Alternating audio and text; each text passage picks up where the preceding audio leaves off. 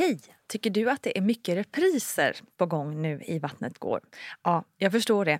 Det beror helt enkelt på att jag, Nina Campioni, just nu har en pop-up second hand i Modgallerian i Stockholm.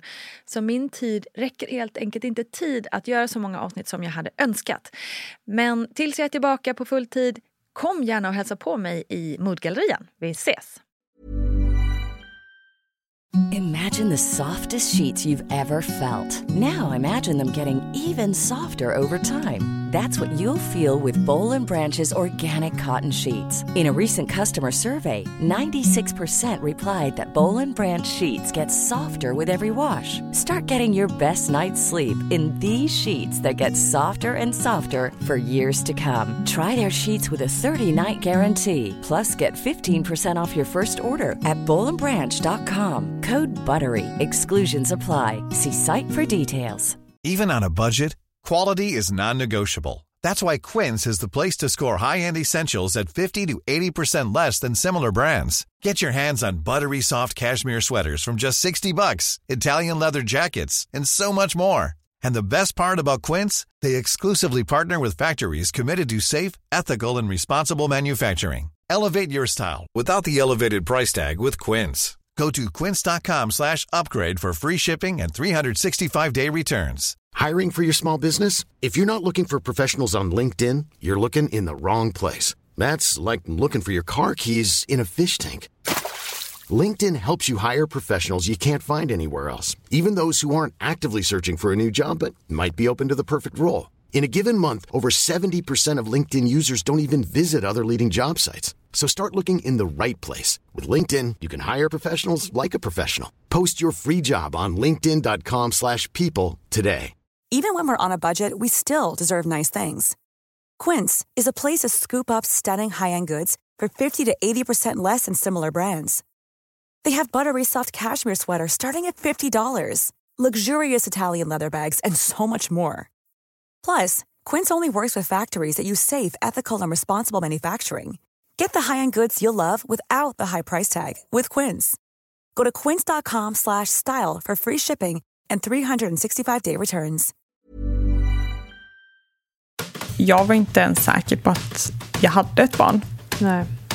Jag frågade personalen flera gånger att eh, har jag verkligen ett, fått ett barn? Och tänk om jag går runt här på sjukhuset med en tom barnvagn. Liksom. Hej och välkommen! Nina Campioni här med ännu ett sprillans nytt avsnitt av din kära gravidpodd Vattnet går. Jag hoppas att just du som lyssnar mår bra och att du har det riktigt gött där du nu sitter, står eller kanske till och med joggar fram med hörlurarna i öronen. Jag försöker skapa en bredd i den här podden.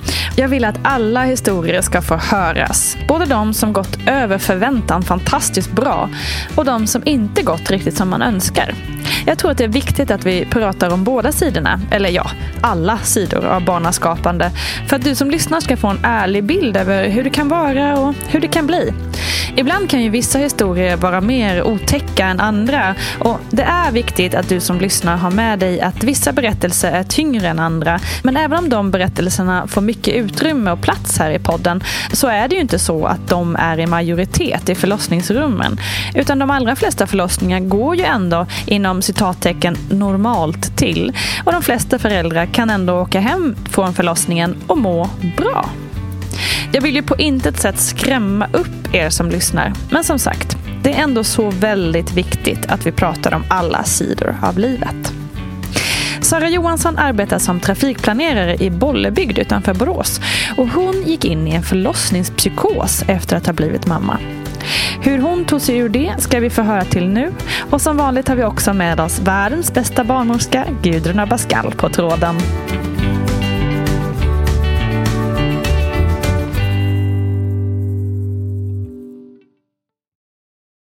Hur gick eh, dina tankar kring det här att bli förälder och mamma? Det är nog någonting jag har vetat eh, ganska stor del av mitt liv att det är någonting jag vill. Mm. Eh, sen har det inte varit aktuellt om man säger så, för jag har inte haft någon partner och så vidare. Mm. Eh, men sen så när jag träffade min eh, sambo Niklas så Mm. gick det ganska fort egentligen. Det tog ett knappt år från att vi träffades till att vi bestämde att eh, vi vill gärna ha en familj. Mm. Och eh, sen gick det fort att bli gravid också, så eh, på den vägen var det. Skönt när det går snabbt ändå.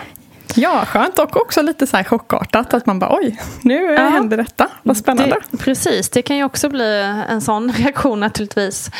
Hur gick dina tankar sen under graviditeten då? Liksom, ja, men dels hur du mådde såklart, men också hur tankarna gick. Sådär, hur, man, det blir ju ändå att man klurar lite på hur man ska bli som mamma och vilken typ av förälder man vill vara. Och, ja, man har ju en bild av hur man vill att det ska vara. Liksom. Ja, absolut. Ja, jag tror att det var ja, lite svårt att veta. Man vet inte vad man ska få för slags barn eller vad det är för liten person som ska komma in i familjen. Men eh, ja, jag vet faktiskt inte hur, tankarna gick om jag ska vara ärlig. Men jag var nog mest väldigt jag var förväntansfull och liksom glad och tyckte att det skulle bli väldigt roligt. Och Sen mådde jag bra under graviditeten också. Vad skönt. Eh, gjorde jag. Så att, eh, det rullade liksom på. Det gillar man ju ändå när det, man, man slipper att eh, få massa konstiga biverkningar. För det är ju ändå ganska vanligt att man får. Ja, men Eh, jag t- tror att det är lite så här att det kom ju en hel del olika saker. Jag hade till exempel fruktansvärd halsbränna. Men så tänker man, det är en del, det är så det är att vara gravid. Det. Och så släpper man det lite grann och bara Ja. tänker att det ingår i paketet. Ja. Men halsbränna är intressant. Det har vi faktiskt inte pratat om eh, så mycket här i podden. Hur, eh, när kom det liksom? Kan det varit i sista trimestern eller någonting sånt som Mm. det var riktigt så. Det var ju nästan konstant hela tiden. Varje Mm. dag bara satt och knaprade de här eh, Novalucol eller vad de nu hette. Okej, ja. Ja. Hjälpte det? Ja men det gjorde det faktiskt. Men Mm. det var ändå ja, men det var jobbigt faktiskt. Men hur, för en som aldrig har upplevt hals- halsbränna, hur känns det liksom? Ja, men lite som att man liksom vill svälja tillbaka en spy.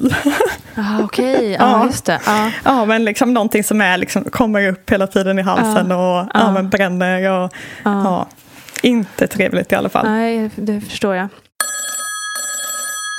Och nu då Saras fråga om halsbränna. Varför får man det och vad kan man göra?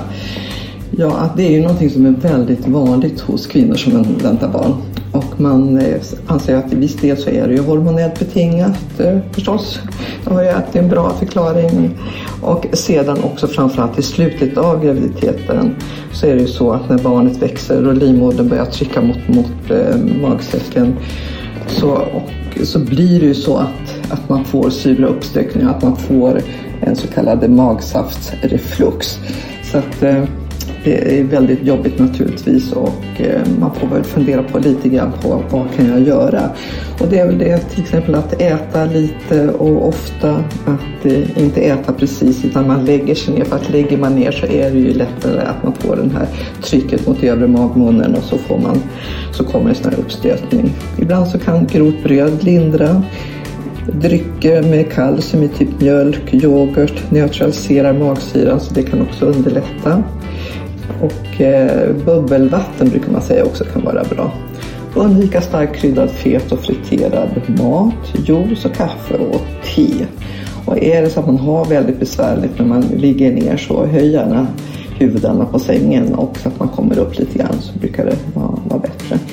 Sedan så kan man väl också tänka sig om det blir alltför besvärligt att visst finns det läkemedel att ta till till exempel som Gaviscon och Novalucol är väl det som är vanligast men också att dricka Samarin brukar hjälpa och får man inte hjälp av alla de här huskurerna och det här så ta, får man ju prata med sin barnmorska på barnmorskemottagningen och träffa sin läkare där för att få mera hjälp. Lycka till! Förutom hals- halsbränna då så var det en eh, hyfsat bra graviditet förstår jag. Men hur förberedde du dig eh, för förlossningen? Jag lyssnade på lite poddar, jag lyssnade mycket på den här podden. Läste där. egen, ja, eller hur? Läste egen bok också.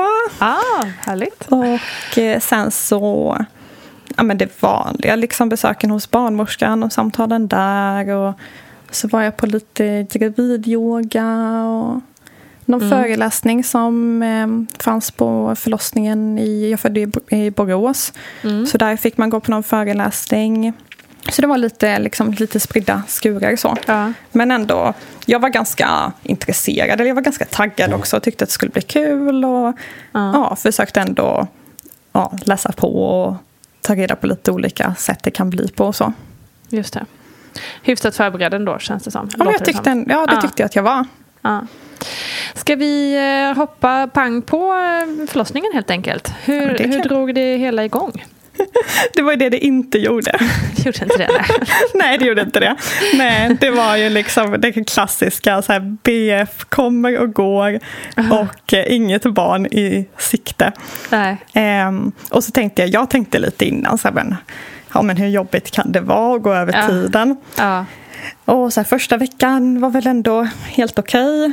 Andra veckan, då började liksom hoppet dö, om man säger så. Sina. Ja, ja, men då kändes det så här bara, nej, jag, jag, det börjar om från början nu. Jag får vara gravid i nio månader till.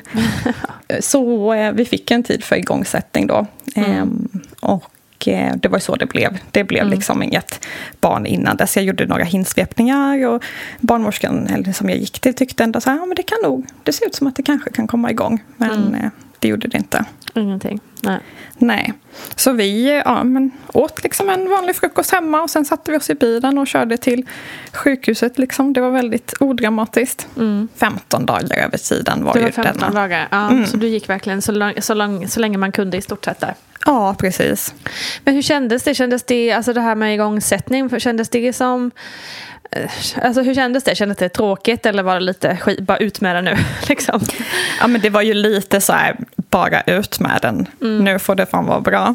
Men det är klart jag hade önskat att det skulle komma igång av sig självt. Mm. Det hade jag ju. Men ja, vad ska man göra? Det, där och då ville jag nog bara liksom att nu händer det äntligen någonting. Ja men precis. Det är fullt förståeligt att man känner så kan jag tänka. Ja. Verkligen. Hur var det då att bli igångsatt? Ehm, ja, först var det ju något samtal och lite bedömning och undersökningar. Och Man skulle få reda på vilken metod man skulle använda. Och då fick jag de här shottarna. Och det oklara var ju lite att man inte visste hur lång tid det skulle ta. Det kan vara så här, ja det här kan ta till imorgon och innan det händer något. Och, ja.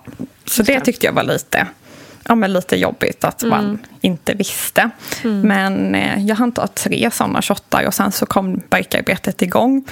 Så det var ju väldigt eh, smidigt egentligen tycker jag. Då fick jag ju, jag började få lite verkar och sen så eh, gick det väldigt, väldigt fort tills att det Okej. blev väldigt mycket verkar. Jag tror att det är många som har blivit igångsatta som har den upplevelsen. Tror jag. det. Mm. Ja, så det var liksom ja, pang på från ingenstans. Fullt verkarbete. Hur kände du då? då? Nej, men det var lite svårt att hantera. Det var lite så här, men herregud. Men eh, jag bestämde ganska snabbt att jag skulle ta en epidural och den kom också ganska snabbt. Liksom, och jag fick den och då blev det en liten omstart att kunna säga okej, nu, nu är jag med på banan igen. Just det, nu kan jag andas igen, liksom. Nu kan jag andas igen, nu, liksom, nu är vi igång, nu händer det, liksom, nu ska barnet födas. Så det tyckte jag ändå blev väldigt bra. Alltså, jag tyckte det rullade på bra och liksom den feedbacken man fick från eh, barnmorskan att eh, ja, det fortskred i, eh, enligt vad man kan förvänta sig med eh, ja, själva öppningsskedet eller vad, man, eller vad det nu kallas. Eh, sen var det ju när jag var helt öppen och retraherad eller vad man nu har jag förstått att man kallar det. Fancy Så- orden. Ja, fancy pansy. Man har läst på i journalen här. Exakt. Nej, men då hände det ingenting. Då liksom, eh, då, eh, inte att det stannade av, för jag fortsatte ha verkar, men eh, huvudet eh, kom aldrig neråt om man säger. Ah. Eh, Så det liksom, eh, timmarna tickade på där och då var det, mm, ja det var natt liksom och klockan blev eh, två, tre, fyra, fem och ingenting hände. Mm. Så det var ju lite så här segt eller vad man Ja, ska det säga. jag. Men jag, kändes jag det hade oroligt lite- på något sätt liksom, när, man, när det inte hände någonting? Eller? Nej, inte oroligt tyckte jag Nej. inte. Men jag tror jag hade bilden av att det skulle vara så här, ja men 10 cm öppen och då ska krystverkarna komma och sen kommer bebisen ut. Mm. Ja, så det var ändå lite oklart tyckte jag. Liksom, Mm. vad, är- vad är det vi väntar på eller varför händer ingenting? Just det. Sen eh, så det blev var att den, eh, ja, det kom in ett, eh, ett team med en läkare och ja, hon hade någon student och någon annan med sig och sa nu, eh, nu ska du få prova att krysta. Ja, kan jag väl testa. Men då Utan att du då liksom- kände liksom några krystvärkar då eller? Ja, nej det hade jag ju inte. Nej, jag hade ju just det. liksom vanliga verkar om Ja, man säger. ja, ja. Och så fick jag lite instruktioner och eh, ja, fick testa då liksom. Och det hände Mm. väl egentligen ingenting tror jag inte. Nej. Eh, och sen så var det lite olika liksom, ställningar. Och jag fick testa någonting, eh, norska knuten tror jag de kallade det. Jag fick hålla i en handduk Mm. Mm. eller ett lakan eller vad det var och en barnmorska stod på andra änden och, som en slags dragkamp. Just det. Och eh, ja, men jag tror inte riktigt att jag... Jo, men jag förstod väl att nu är tanken att barnet ska komma ut. Men ändå var jag ändå lite så här... Jag tog inte det kanske riktigt på allvar, eller vad man ska säga. Jag tänkte så här, ja, eh, vad händer här nu? Ja, men precis, vad är det vi håller på med liksom? Ja, det blir men lite var- surrealistiskt kanske liksom när man... Ja, ja men just man hade knep, liksom liksom. en eh, förväntning att så här, åh, känna de här krystverkarna och allting. Just det. Men då i alla fall så eh, säger läkaren då att nej men eh, nu eh, kommer jag behöva sätta sugklocka här efter nästa verk. Och då var det som att jag bara, nej men gud, jag ska föda barn. Nu. Ja. Det, är det, liksom, det, det är nu det här ska ske. Ja. Och så liksom, ja, jag visste väl inte supermycket om sugklocka men jag visste väl ändå att det var inte någonting som eh, var något positivt. Just det. Så då var, då var det som att den verken när den kom så då ja, fors, liksom tog jag i om man säger riktigt Ja. ordentligt och Ja. då hände någonting. Så då, Okej. eh, det var några centimeter, tror jag, ett par centimeter som fattades från att huvudet skulle komma ner i bäcken, Ah, bäckenet ordentligt. Ah. Och då eh, skedde det. Så Okej. eh, då kom hon faktiskt sen en, ja, ytterligare en verk senare kom hon ut. Wow. Det, det är coolt vad motivering kan göra liksom. Ja men verkligen, Mm. verkligen.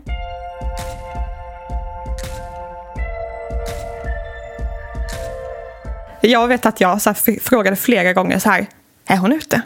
Är hon verkligen ute? Ja. jag, liksom, jag kunde inte riktigt så förstå, så här, jaha, Nej. är det slut nu? Precis, är det över liksom?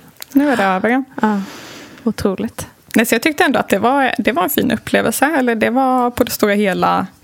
Ja, man vet ju inte vad man ska förvänta sig det första gången man föder ett barn och så. Men eh, jag var ändå nöjd. Men det var lite roligt för att sen eh, när, man skrevs, eller när jag skrevs ut för en BB så skulle, jag tror att alla gör det, sätter ett, liksom, man får frågan om en siffra mellan 1 och 10. Mm, just Och så här, hur nöjd är du med förlossningen? Och så tänkte jag så här, ja men åtta kanske.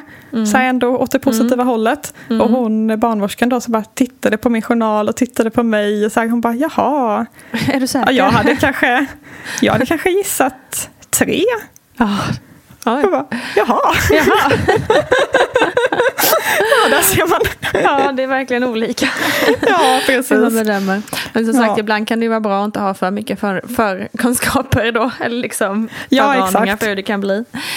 Ja, Så, så precis. blir man hyfsat nöjd ändå. Ja, men det är väl ändå det viktigaste. Ja, precis. Ja. ja, men jag tänkte ändå liksom att eh, jag fick ett eh, friskt, eh, välmående barn Mm, och eh, ja, det var det som var huvudsaken för mig. Just det. Men du, man brukar ju säga, och det är ju en sanning i sig, att eh, när man väl lämnar eh, sjukhuset och BB, det är då själva eh, förändringsarbetet och det stora, det stora jobbet börjar med det här med barn. Ja. Och det var blev ju verkligen sant för dig. Ja. Hur, hur upplevde du den här första tiden? För det började egentligen redan på BB. Eh, vi låg två nätter på BB. Mm. Och ja, det var ju redan från början så att jag kunde inte komma ner i varv och somna. Nej. Och det var väldigt eh, ja, annorlunda vad jag hade förväntat mig. Jag hade förväntat mig så här, ja, jag kommer vara så trött och jag kommer så här, vilja sova hela tiden. Och, eh, istället var det som att jag var klarvaken och då tänkte jag så här, ja men det har man ändå hört, eller jag hade hört lite att man kan få några så här supermammakrafter. Ja, eller, absolut. Det kan ju bli Så tänk- lite adrenalin också direkt efter en förlossning. Liksom. Ja, precis. Så jag tänkte nog att det var, att det var så. Men eh, då när vi låg de här två nätterna på BB så ja, Lilly var vaken en hel del och ville amma och äta och sådär. Men eh, jag låg i princip bara och tittade på, det var en stor klocka på vårt rum och bara såg hur den snurrade liksom. Timmarna gick och ja, jag var, jag tror inte jag sov en sekund faktiskt. Nej, nej. Och det fortsatte ju då när vi, när vi kom hem. Så fortsatte det lite på samma sätt. Att eh, jag hade väldigt eh, svårt att komma ner i varv och jag var väldigt eh, ja, speedad och ja, hade mycket energi. Och, ja, sen tyckte jag liksom, ja, det var ju mycket att eh, ta in om man säger så. Liksom, Att man har ett litet barn att ta hand om. Och, ja, det var en stor förändring helt klart. Men det här med sömnen, liksom, det var inte bara då relaterat till att eh, be, liksom, bebisen väckte dig, utan du var vaken oavsett. Liksom. Ja, men jag var ju det. Eller först, så- eller ja, det var svårt att liksom sätta lite fingret på det. Ja, det var ju mycket att hon skulle äta och inte sova och sådär. Men eh, det var, ja, jag hade jätte, jättesvårt att eh, sova helt enkelt. Och det var inget jag initialt eh, tänkte speciellt mycket på. Men eh, dagarna gick ju liksom och så märkte man att, ja men om man säger ens omdöme eller så blev mer och mer suddigt eller det blev svårt att tänka, men se klart på olika situationer och jag började ja, få för mig att eh, Lilly hade olika sjukdomar eller att jag hade det och ja, det blev eh, otydligt helt enkelt. Och det var liksom, hur, hur, alltså, hur länge upplever du att det var liksom, som du hade så här, att du inte sov och så? Det var ju eh, efter två och en halv vecka när, ja, när, hon hade, ja, när hon var två och en halv vecka gammal Ja. så eh, fick jag ju alltså jag fick en eh, psykos, en eh, förlossningspsykos.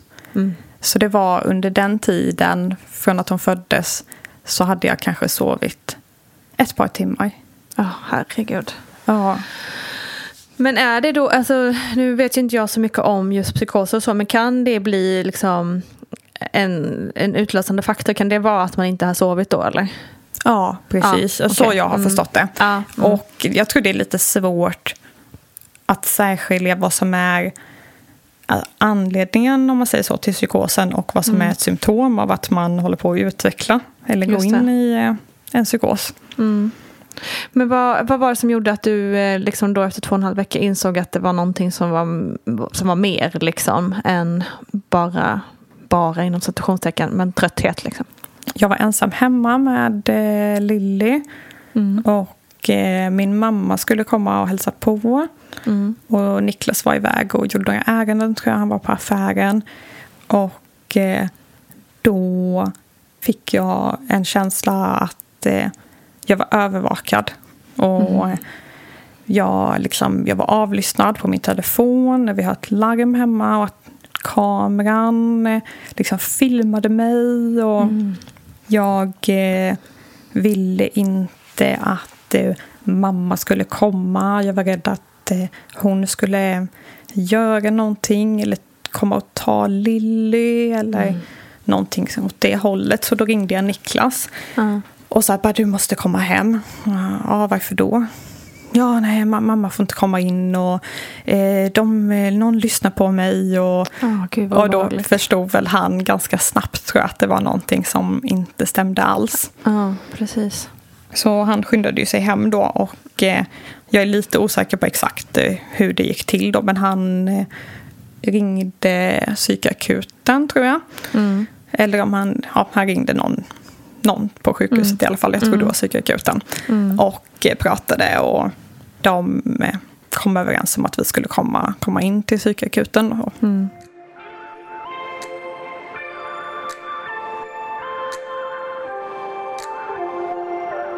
Det var det din verklighet, liksom, att någon överli- eh, liksom, lyssnade på dig och allt det här. Liksom.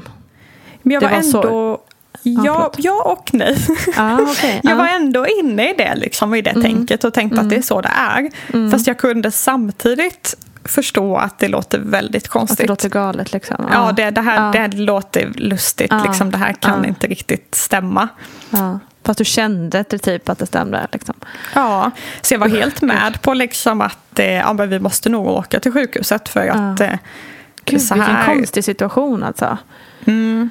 Otroligt konstig. Ja. Så vi packade in oss i bilen där, eh, jag, han och Lilly och ja, åkte, till, eh, åkte in till Borås då till eh, sjukhuset. Hur tog de emot er där då? Vi fick sitta i något eh, väntrum och sen så var det lite olika samtal. Vi hade hjälp av eh, ja, min svägerska då, hon var också där och liksom var, hade hand om Lilly så. Och jag minns inte exakt men jag vet att det var jag fick gå och prata med några och sen så var det både jag och Niklas skulle gå och prata och ja det var lite olika samtal och det kanske tog sammanlagt eh, någon timme eller ett par timmar innan eh, de hade beslutat eller vad man ska säga hur, ja, hur de, de hade gjort sin bedömning av vad som skulle ske så. Ja. Så det som hände var att vi fick eh, ett rum på BB. Där vi fick vara allihopa tillsammans. Jag ja, och, vad bra. Ja, det var Ändå. jättebra.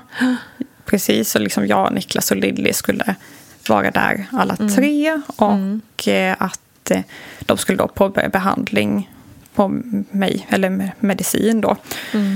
Och eh, jag tror inte att det var någon som riktigt uttalade att eh, det var en förlossningspsykos eller så. Jag tror inte att vi initialt riktigt visste vad det handlade om. Nej. Men eh, det var ändå liksom att ja, men nu ska du börja ta den här medicinen och sen kommer du att må bättre. Men eh, det blev inte helt så då utan eh, två dagar tror jag att jag bodde i det rummet med Niklas och Lilly. Eh, innan jag blev lite, ja men jag blev sämre och då blev jag flyttad till en eh, psykavdelning. Okej. Gud, hur Ja. var det då? Nej men det var jättekonstigt, det var det verkligen. På vilket Eh, sätt blev du sämre då? Ja, det som var var att eh, jag hade fått liksom uppmaningen att eh, om du börjar få tankar på att du eh, vill skada dig själv eller skada ditt barn eller så, så måste du höra av dig. För det, ja, men det är väldigt vanligt att, att det blir den typen av. tankar. Liksom, om man säger liksom hela verk, min verklighet var ju helt upp och ner. Jag, eh, jag hade olika vanföreställningar och paranoida tankar. Och jag visste, jag visste liksom inte ens om Niklas och Lilly, om de fanns på riktigt. Eh, Jag, Gud. man fick eh, meddelanden på telefonen och av vänner eller familj. Och jag visste inte vilka de var riktigt som hörde av sig eller om det var typ skådespelare eller så här inhyrda personer som låtsades att de var min familj. Och det var som att vara en mardröm. Det var- det förstår jag man har verkligen. ingen aning om någonting. Och Nej. hela tiden liksom försökte hitta något att greppa fast i fast det då kändes som att allting ändrades. Eller, ja. Så eh, ja, helt enkelt så eh, började jag väl liksom utveckla lite den typen av tankar. Att eh, ja, men jag blev osäker på att jag, ja, men väldigt, väldigt osäker på, på mig själv. Liksom att, eh, ja, tänk, tänk om jag bara får något infall här nu och gör Ja. någonting. Just det.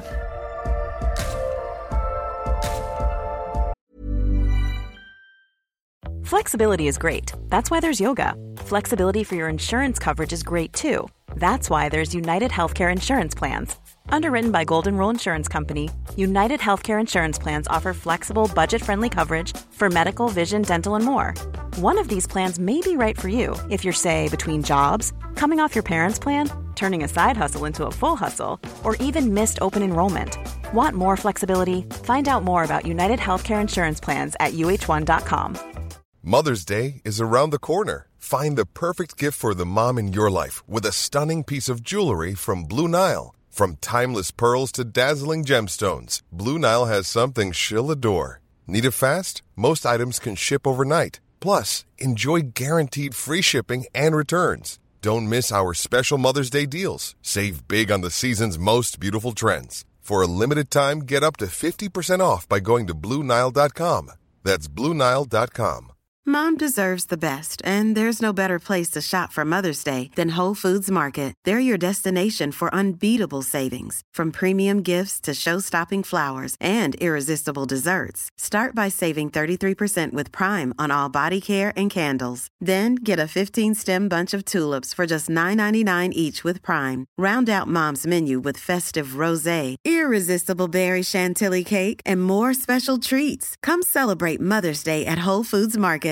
Hi, I'm Daniel, founder of Pretty Litter. Cats and cat owners deserve better than any old fashioned litter. That's why I teamed up with scientists and veterinarians to create Pretty Litter. Its innovative crystal formula has superior odor control and weighs up to 80% less than clay litter.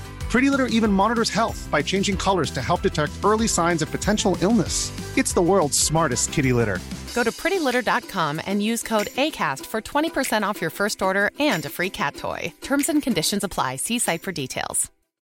Since 2013, Bombas has donated over 100 million socks, underwear, and t shirts to those facing homelessness.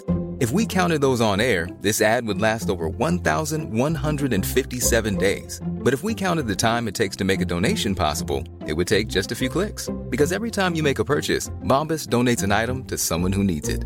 Go to bombas.com slash ACAST and use code ACAST for 20% off your first purchase. That's bombas.com slash ACAST, code ACAST.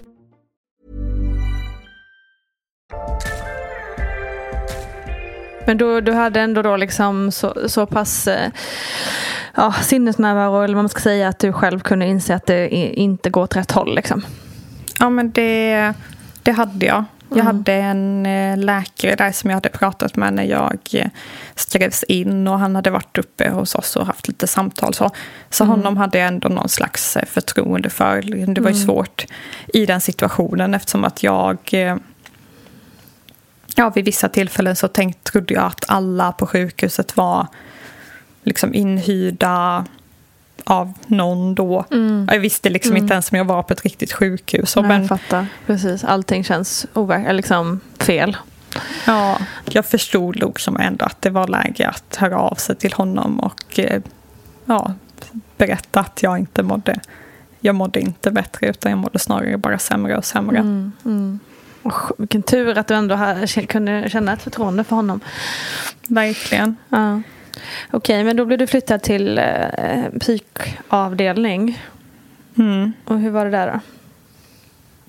Nej, men där var det ju eh, ja, mer personal om man säger.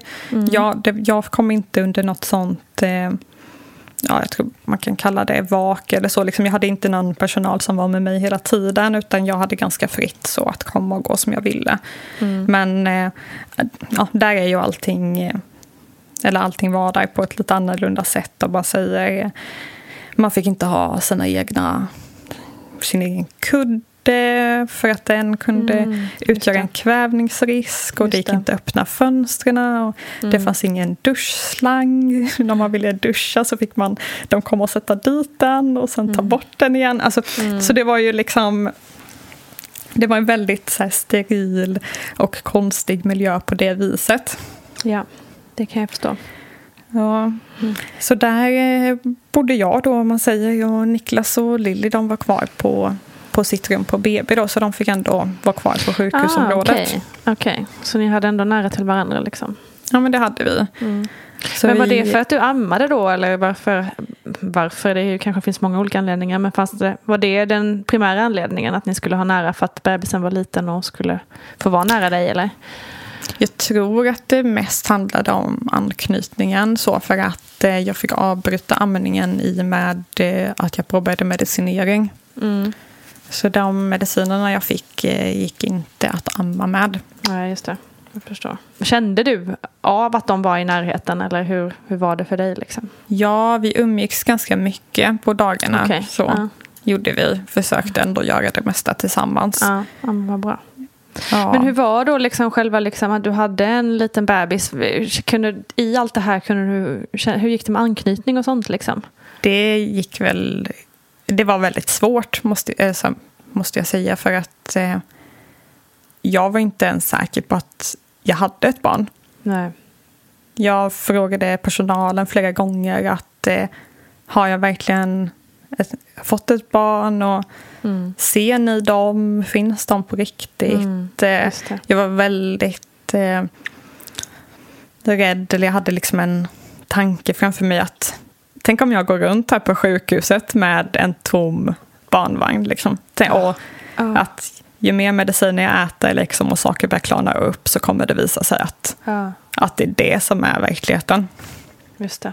Så det var ju väldigt svårt om man säger så då på det viset att eh, påbörja någon vettig anknytning. Mm. Jag förstår det.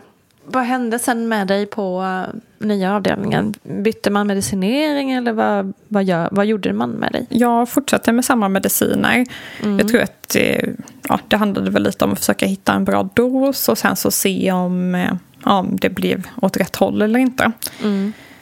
Så man föreslog en annan behandlingsform som jag tackade nej till som var ECT eh, e heter det man får el, någon slags elchocksbehandling då, som ah, man gör okay. i hjärnan. Mm. Men det tyckte jag verkade otroligt obehagligt. Så det, mm. det vågade jag liksom inte. Det låter obehagligt. Ja, det låter jätteobehagligt tyckte jag. Mm. Men jag låg inlagd tror jag tio dagar totalt. Mm. Och under den tiden så blev det liksom, det blev bättre och bättre. Och ja, jag började ändå få någon slags insikt eller vad man ska säga i hur saker och ting verkligen låg till och så. Mm.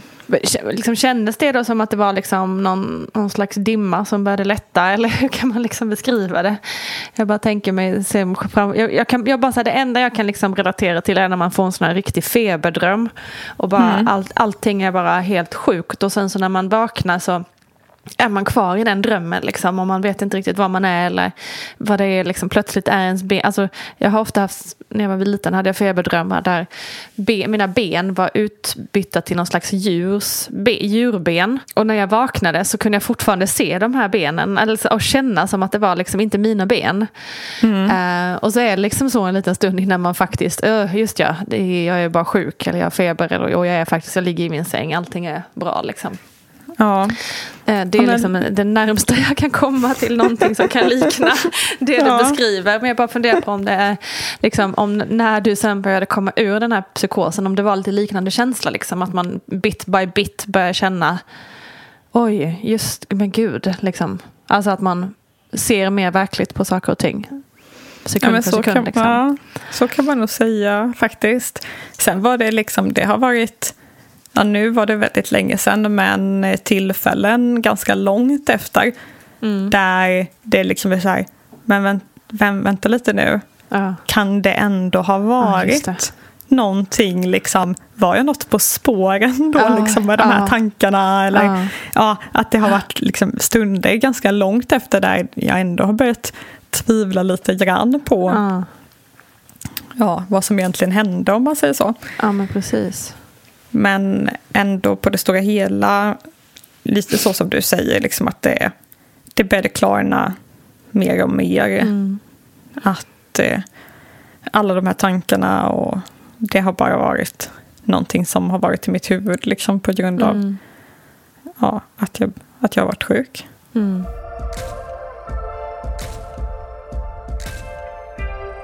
När du då skrivs ut, kände du dig Kände du dig helt klar i, då? Eller hur mådde du då? Liksom? Ja, det är svårt att komma ihåg egentligen. Mm. Men eh, jag, jag kände mig nog... Jag kände mig tillräckligt frisk för att komma hem. Mm. Och liksom, ja, men vara hemma och vara, och vara om man säger, ensam med min familj och inte ha någon personal. Liksom, jag kände mig tillräckligt frisk för att så här, kunna hantera en mm. vardag hemma. Mm.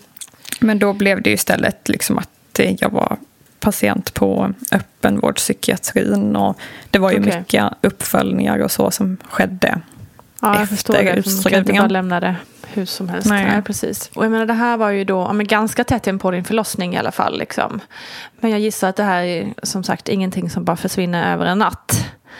Så, och din dotter är nu 14 månader. Ja, ehm, exakt. Hur skulle du beskriva det här liksom första, ja, första året? Hur, liksom, hur, hur mår du idag och hur, hur lång har den här kampen varit? Egentligen det har varit eh, så många tillfällen under den här tiden när jag har tänkt så här, nu, nu, mår jag nu mår jag bra, nu mår jag som vanligt. Mm. Och så har tiden gått lite till och så har man tänkt så tillbaka på att nej, det gjorde jag ju inte. Nej. Men eh, det har ändå varit liksom en tröst, eh, tröst i det, att kunna känna så att men nu går det åt rätt håll och nu, nu mår jag bättre. Mm. Men om jag ska se tillbaka på det nu så kanske första halvåret, jag blev ju sjukskriven Mm. i fem månader tror jag det var. Och det tyckte jag först var lite chockartat, så här, att var- varför ska jag vara det? Jag mår ju bra nu. Mm. Eh, Men nu i efterhand så var det nog ungefär den perioden som liksom krävdes innan jag var på banan igen. Och eh, det var ungefär också så lång tid som jag åt mediciner. Mm. Så när jag slutade med dem, då blev det liksom, ja men jag blev lite piggare och ja, det blev ändå liksom en liten dimma som lättade som hade legat över tillvaron. Just det. Så det blev ännu lite bättre när du kunde sluta med medicinen? Ja, det tycker jag Ja. att det blev. Ja. Samtidigt så här, medicinen var ju nödvändig Såklart. för att eh, komma ur det. Och, Ja. Men det var väldigt, väldigt skönt att kunna sluta med den. Ja, men det förstår jag. Så man liksom inte behöver känna att man måste ha det resten av sitt liv sen. Liksom. Ja, exakt. Mm. Men det här, halvår, eller det här året har ju varit mycket, ja, mycket besök på olika Mm. läkare och psykolog och allt möjligt så extra. Det har varit superbra att det, Mm. har, eh, att det har funnits en sån bra uppföljning. Men det har också Verkligen. varit mycket liksom praktiskt runt omkring att eh, ta tag i, eller vad man ska säga, så här med anledning av detta. Mm. Som vad då till exempel? Nej men just alltså, att gå på de här olika besöken. Ja, ja. ja du Så. menar så. Ja, ja men precis. Ja, ja, men att det tillkommit Åka dit liksom, fram och eh, tillbaka och hålla på. Mm. Ja, men precis. Mm. Så det har Ja, jag väl kunnat känna lite så här, ja, men man har blivit lite trött på det. Ja, det förstår jag Att man verkligen. vill bara att det ska vara, liksom, kunna sätta punkt för det här. Ja, exakt. ja. Gud ja, det kan man ju verkligen förstå. Men hur har du upplevt också, för jag tänker det är ju, eh, men en förlossningspsykos är verkligen liksom en ganska, det är en väldigt stor grej att gå igenom. Och sen samtidigt då eh, ha en liten dotter och vara ny mamma och sådär. Hur, hur upplever du att du har kunnat liksom ta in det och lärt, lärt känna din dotter och så? Hur har det gått liksom? Det har skett lite, vad ska man säga, stegvis kanske. Mm. Det var ju en otroligt eh, konstig situation bara precis där när det hände. Att eh, jag först har varit gravid i eh, nio månader och fött sitt barn och ammat och den biten. Och sen så sånt abrupt eh, avslut på det om man säger så. Mm. Mm. Att eh, ja, det var väldigt svårt att ja, hantera.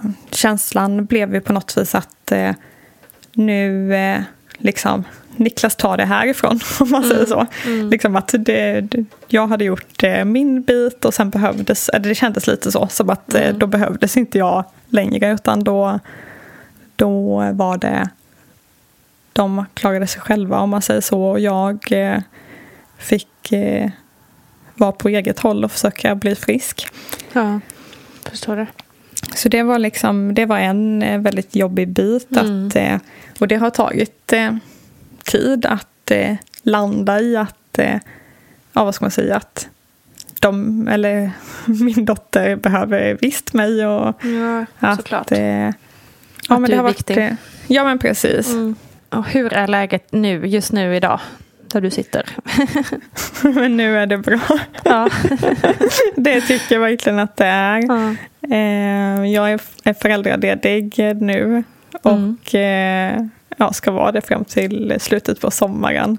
Mm. Och nu njuter jag väldigt mycket. Det känns som att nu får man liksom lite ta igen eh, det som man har missat. Eller Mm. inte missat, för jag har ju hela tiden jag har ju varit fysiskt närvarande i Mm. hennes liv hela tiden. Mm. Så, men Mm. eh, i och med eh, att jag var sjuk och eh, ja, med hur medicinerna påverkar och så också så har jag ju inte riktigt varit Nej. psykiskt närvarande. Liksom, Nej. och det har varit svårt att ja, hänga med riktigt i vad som har hänt och att, Mm.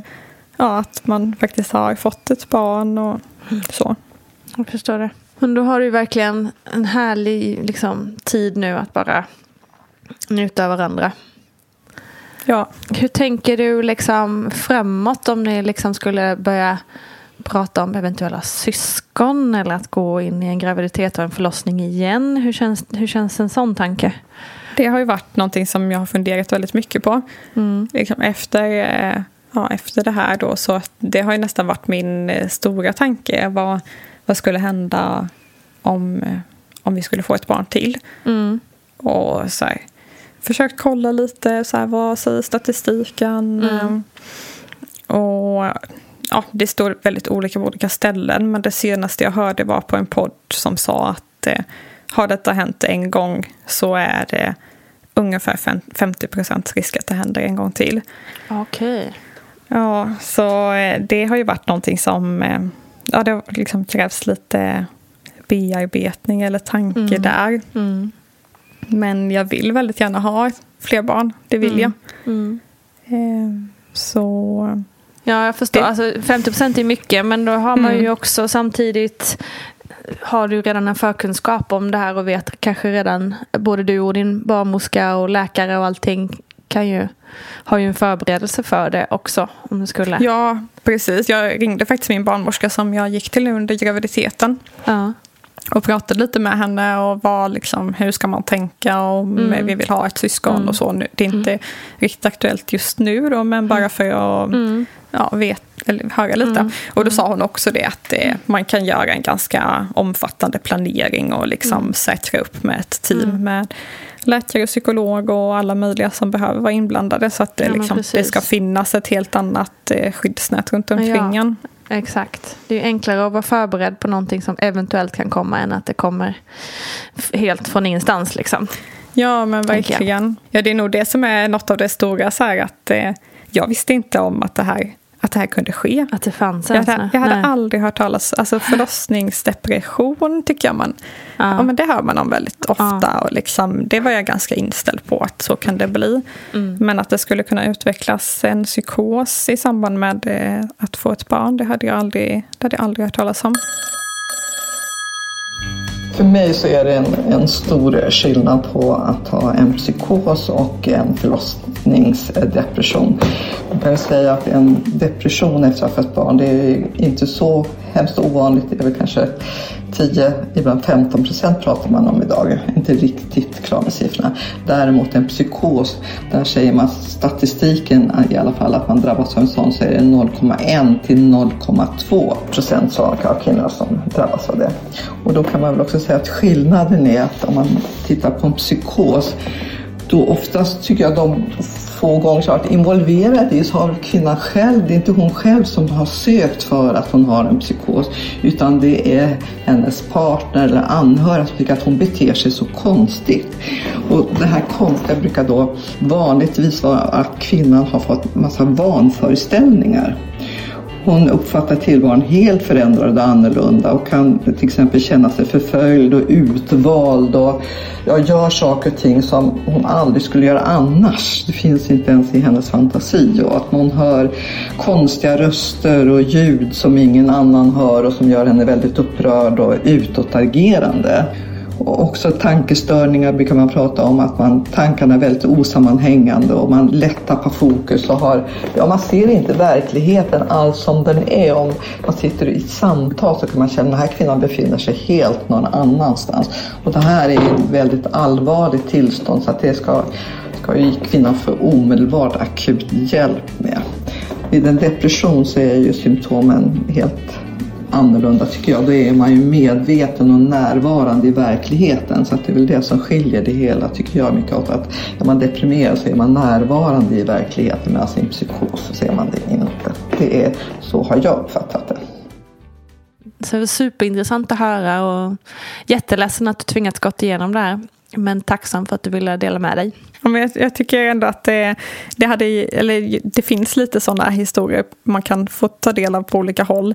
Mm. Det har hjälpt mig mycket att höra om andras upplevelser av Mm. detta. Och, ja, jag delar gärna med mig om det kan hjälpa någon annan. Ja, men exakt. Och det är ju ofta så man hjälper varandra genom att höra att och inse att man inte är ensam och, och sådär liksom.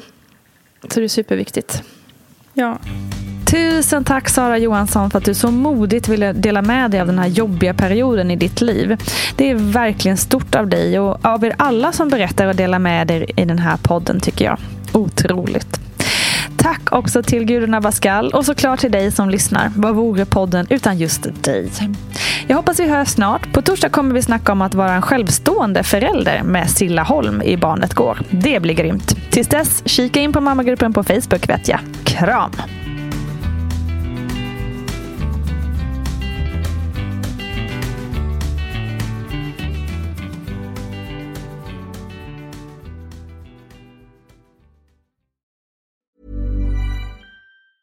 A lot can happen in three years, like a chatbot may be your new best friend. But what won't change? Needing health insurance. United Healthcare Tri Term Medical Plans, underwritten by Golden Rule Insurance Company, offer flexible, budget friendly coverage that lasts nearly three years in some states. Learn more at uh1.com. Hey, it's Paige DeSorbo from Giggly Squad. High quality fashion without the price tag? Say hello to Quince.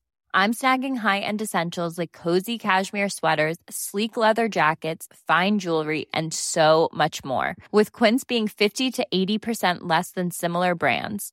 And they partner with factories that prioritize safe, ethical, and responsible manufacturing. I love that. Luxury quality within reach. Go to quince.com slash style to get free shipping and 365 day returns on your next order. Quince.com slash style.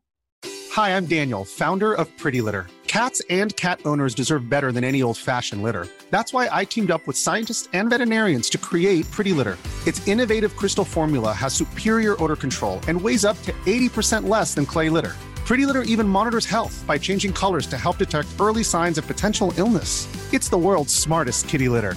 Go to prettylitter.com and use code ACAST for 20% off your first order and a free cat toy. Terms and conditions apply. See site for details. Planning for your next trip?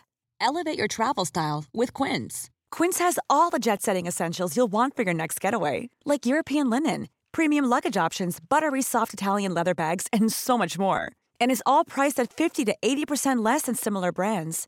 Plus, Quince only works with factories that use safe and ethical manufacturing practices.